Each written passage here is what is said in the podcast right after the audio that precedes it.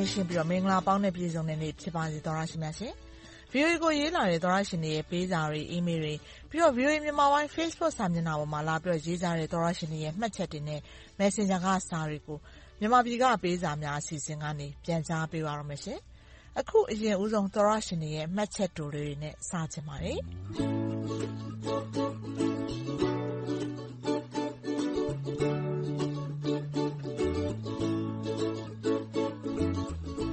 ခွန်မိန်အောင်ဆိုတဲ့သောရရှင်ကတော့တိုင်းသားနာမည်ဖြစ်ပါတယ်။ဒီမှာအတန်ထွက်မှတ်မှန်ရင်ခွင့်လွှတ်ပေးပါနော်။ဒီသောရရှင်က VOA ကိုအစဉ်အမြဲအားပေးနေပါတယ်တဲ့အရင်အကောင့်ပြတ်သွားလို့အခုအကောင့်တင်နဲ့အားပေးပါတယ်ဆိုတော့ရေးလာပါတယ်ဟုတ်ကဲ့ပါကျေးဇူးအထူးတင်ပါတယ်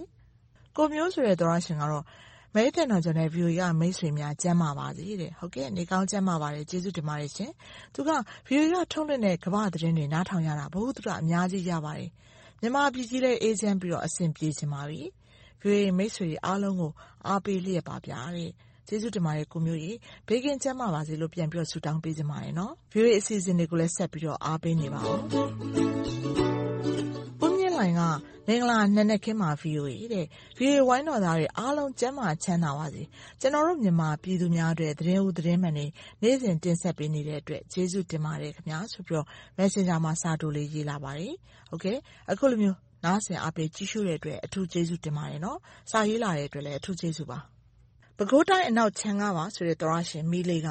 VOA အဖွဲ့သားများအားလုံးကျမ်းမာကြပါစေ။ VOA ကိုအားပေးနေပါတယ်တဲ့။ကျမသမီးက VOA ဘယ်တုန်းကစပြီးတော့ပြည်ပမှာအခြေချတာလဲလို့မေးလို့သိချင်ပါတယ်။ဖြေကြားပေးပါ။ VOA အဖွဲ့သားများအားလုံးကျန်းမာချမ်းသာကြပါစေတဲ့။ဟုတ်ကဲ့။ VOA အမေရိကန်အသံကအမေရိကန်ပြည်ထောင်စုအစိုးရရဲ့လက်အောက်မှာရှိတဲ့သတင်းဌာနဖြစ်ပါတယ်။ ၁၉၄၂ခုနှစ်မှာ အမေရိကန်သမ္မတ Gerald Ford လက်ထက်မှာ စပြီးတော့ တည်ထောင်ပြီးတော့ ဘာသာစကား၄၈မျိုးနဲ့ တကမ္ဘာလုံးကို ရုပ်သံလွှင့်နေတာ ဖြစ်ပါတယ်။ VOA တခုလုံးရဲ့ ဌာနခွဲတခုဖြစ်တဲ့ ကျမတို့ VOA မြန်မာဘာသာ အစီအစဉ်ကလည်း အဲဒီ ၁၉၄၂ မှာပဲ စတင်ပြီးတော့ အသံလွှင့်ပေးတာ ဖြစ်ပါတယ်ရှင်။သိချင်တာ သိရလောက်ပြီ ထင်ပါတယ်နော်။ VOA အစီအစဉ်တွေကို အမြဲအားပေးလျက်ပါဆိုပြီးတော့ချင်းတောင်တိုင်းက သောရရှင်ကတော့ နာမည်မဖော်ပြပါနဲ့တဲ့ VOA ကို မနေ့ညနေ နေ့တိုင်း သတင်းတွေ နားထောင်နေပါတယ်။အကြိုက်ဆုံးကတော့ ဦးအောင်ခင်ရဲ့ မြန်မာ့အရေး သုံးသပ်ချက်တွေပဲ ဖြစ်ပါတယ်။အင်တာနက်လိုင်းမရတော့ ရေဒီယိုကလေးပဲ အားကိုးနေရတယ်။ဒါမှ နေ့တိုင်း သတင်းထူး သတင်းမှန်ရဖို့ မပြတ်ပါလေ။ဒါပေမဲ့လည်းဓာတ်ခဲလဲသယ်ယူလို့ မရတာကလည်း အခက်အခဲတခုပါ။ VOA ကို ပေးစာကဏ္ဍကနေ ရေးဖို့မသိလို့ Messenger ကနေ ရေးလို့ရတယ်လို့ကြားလို့ ရေးလိုက်ပါတယ်။ VOA ဝိုင်းတော်သားများ စိတ်ကြည်လင်ဝမ်းမြောက်စွာနဲ့ အစဉ်မပြတ် သတင်းများ တင်ဆက်နိုင်ကြပါစေ။ စာထပ်ပြီးတော့ရေးပါအောင်ရှင်။အန္တရာယ်ကင်းပြီးတော့ကျန်းမာပါစေနော်။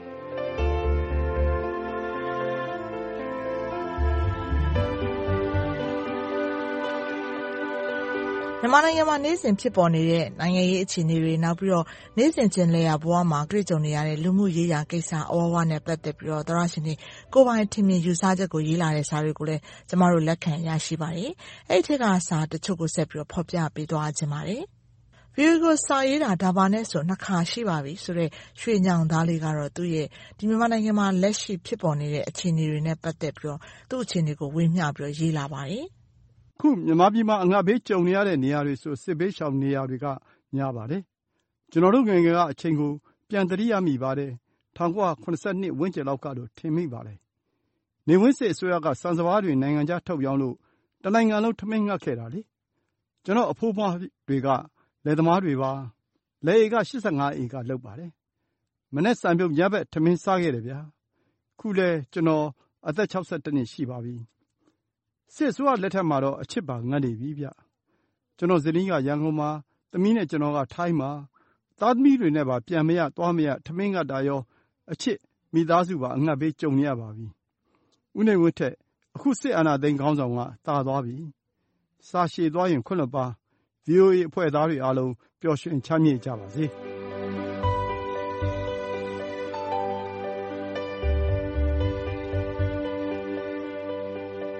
ရင်ဖွင့်ချင်တဲ့ သောရရှင်တွေရဲ့ စာတွေကိုလည်း ဆက်ပြီးတော့ ဖော်ပြပေးခြင်းပါတယ်။မောင်ကျော်စိုးဆိုတဲ့ သောရရှင်ကတော့ ဘင်္ဂလားဒေ့ရှ်ကို ရောက်နေတဲ့ ဒုက္ခသည်တဦးပါတဲ့။သူက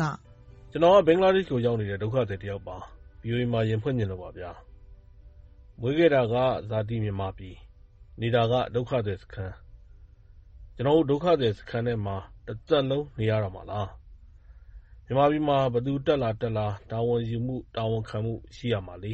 ။ဘာကိုမှ တာဝန်မယူနိုင်ရင် အနာဂတ်မြန်မာပြည်ရဲ့ အခြေအနေဟာ ပိုဆိုးလာမှာ သေချာပါတယ်။ရိုဟင်ဂျာတွေ နိုင်ငံတောင်းနေတာ မဟုတ်ပါဘူးခင်ဗျာ။မိမိနေရပ်ကိုတော့ ပြန်ချင်ကြောင်း ပြောချင်ပါတယ်။”ဒီသောတရှင်က တခြားဘာမှ တောင်းဆိုတာ မဟုတ်ပါ။မိမိနေထိုင်ခဲ့တဲ့ နေရပ်ကိုပဲ ပြန်ချင်တာ ဖြစ်ပါတယ်ဆိုပြီး ရင်ဖွင့်ရေးသားလာပါတယ် ကျိုင်းခမ်းဒေသခံတဦးဖြစ်ပါတယ်ဆိုပြီးရေးလာတဲ့ သောတရှင်ရဲ့ရင်ဖွင့်စာကိုလည်းဝေမျှပေးချင်ပါတယ်။သူနေတဲ့ ရှမ်းပြည်တောင်ပိုင်းက အခြေအနေနဲ့ ပတ်သက်ပြီးရေးလာပါတယ်။“ကျိုင်းခမ်းဒေသ ရပ်စောက်မြို့နယ် ရှမ်းပြည်နယ်တောင်ပိုင်းမှာ ဖြစ်နေတဲ့ ဖြစ်ရပ်ဆိုးတွေကိုမြက်ကမ်းနေသရွေ့ ဒီထက်ဆိုးလာမယ့် အခြေအနေတွေဖြစ်လာဖို့ စောင့်နေသလိုပဲဖြစ်နေမှာပါ။ဗိုလ်ချုပ်မှူးကြီးမင်းအောင်လှိုင်ကို တွေ့လို့ ပြောခွင့်ရရင် ပြောပြလိုက်ပါ။လူငယ်တွေ လူကြီးတွေ ပိုပိုဆန့်ကျင်ပြီး ဆန့်ကျင်ဘက်ဖြစ်လာတဲ့အပေါ် ဘာမှ တုံ့ပြန်မနေပါနဲ့လို့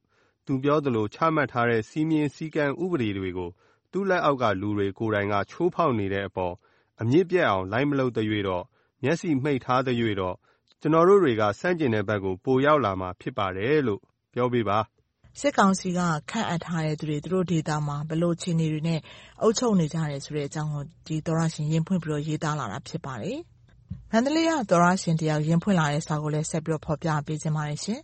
အခုစားဝတ်နေရေး အထူးကျပ်တည်းနေတဲ့ခေတ်မှာ အွန်လိုင်းကနေ လိမ်ညာငွေယူတဲ့ ဖြစ်ရပ်တွေ ပိုတွေ့လာရပါတယ်ဆိုပြီး ဗွီအိုအေသောတရှင်တွေကို သတိပေးလာတာ ဖြစ်ပါတယ်။ကျနော်က ဇော်ဇော်ပါ။မန္တလေးကပါ။အခုတလော Facebook မှာ အွန်လိုင်းချေးငွေ အတုလိမ်တာ သိပ်များနေပါတယ်။သူတို့လိမ်ပုံတွေကတော့ စာရွက်စာတမ်းကြေးနဲ့ ချေးငွေပမာဏကိုကြည့်ပြီးစားရန်ငွေကို လိမ်တာပါ။တော်တော်များများ မရှိဆင်းရဲသားတွေထိတာ များပါတယ်။ VOA ကတဆင့် အသိပညာပေးစေလိုပါတယ်ဗျာ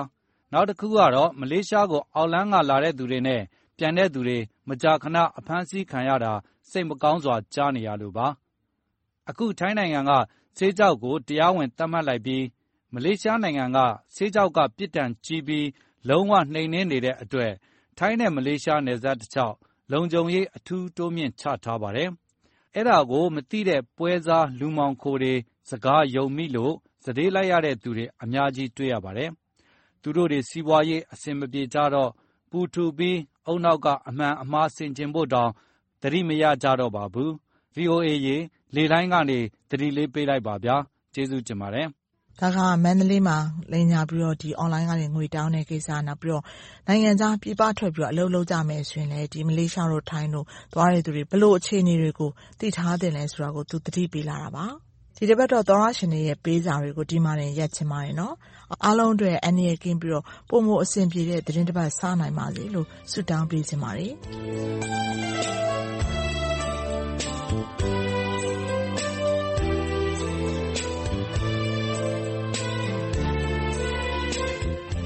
VOA မြန်မာပိုင်းရဲ့ ရုပ်မြင်သံကြားနယ်ရေဒီယို စီစဉ်တင်ဆက်မှုတွေနဲ့ ပတ်သက်ပြီးတော့ အကြံပေးဝေဖန်ခြင်းနဲ့ပြီးတော့ ကိုယ်တိုင်အတွေ့အကြုံနေရတဲ့ဖြစ်ပျက်တွေ နိုင်ငံရေး အခြေအနေတွေနဲ့ ပတ်သက်ပြီးတော့ ကိုယ်ပိုင်ထင်မြင်ယူဆချက်တွေ ရင်ဖွင့်စာတွေ ရေးတင်ကြတယ်ဆိုရင်တော့ ကျမတို့ VOA ကို စာရေးသားဖို့ ဖိတ်ခေါ်ပါရနော်။ email ကနေ စာရေးမယ်ဆိုရင် bambi@voanews.com ကို မြန်မာပြည်မှပေးစာများ အစီအစဉ်ဆိုပြီးတော့ရေးသားပေးပို့နိုင်ပါတယ်။ Facebook အသုံးပြုတဲ့သူတွေ အနေနဲ့လည်း VOA Burmese News ဆိုတဲ့ VOA မြန်မာပိုင်းရဲ့ Facebook စာမျက်နှာကိုတွားပြီးတော့မှတ်ချက်တွေလာပြီးတော့ရေးနိုင်တယ်လို့ VOA မြန်မာပိုင်း Facebook Messenger ကနေပြီးတော့လည်းစာရေးပို့လို့ရပါတယ်။သောရရှင်တွေစီကတုံ့ပြန်အကြံပြုလာမှာတွေကိုစောင့်မျှော်ကြိုးစွနေပါတယ်ရှင်။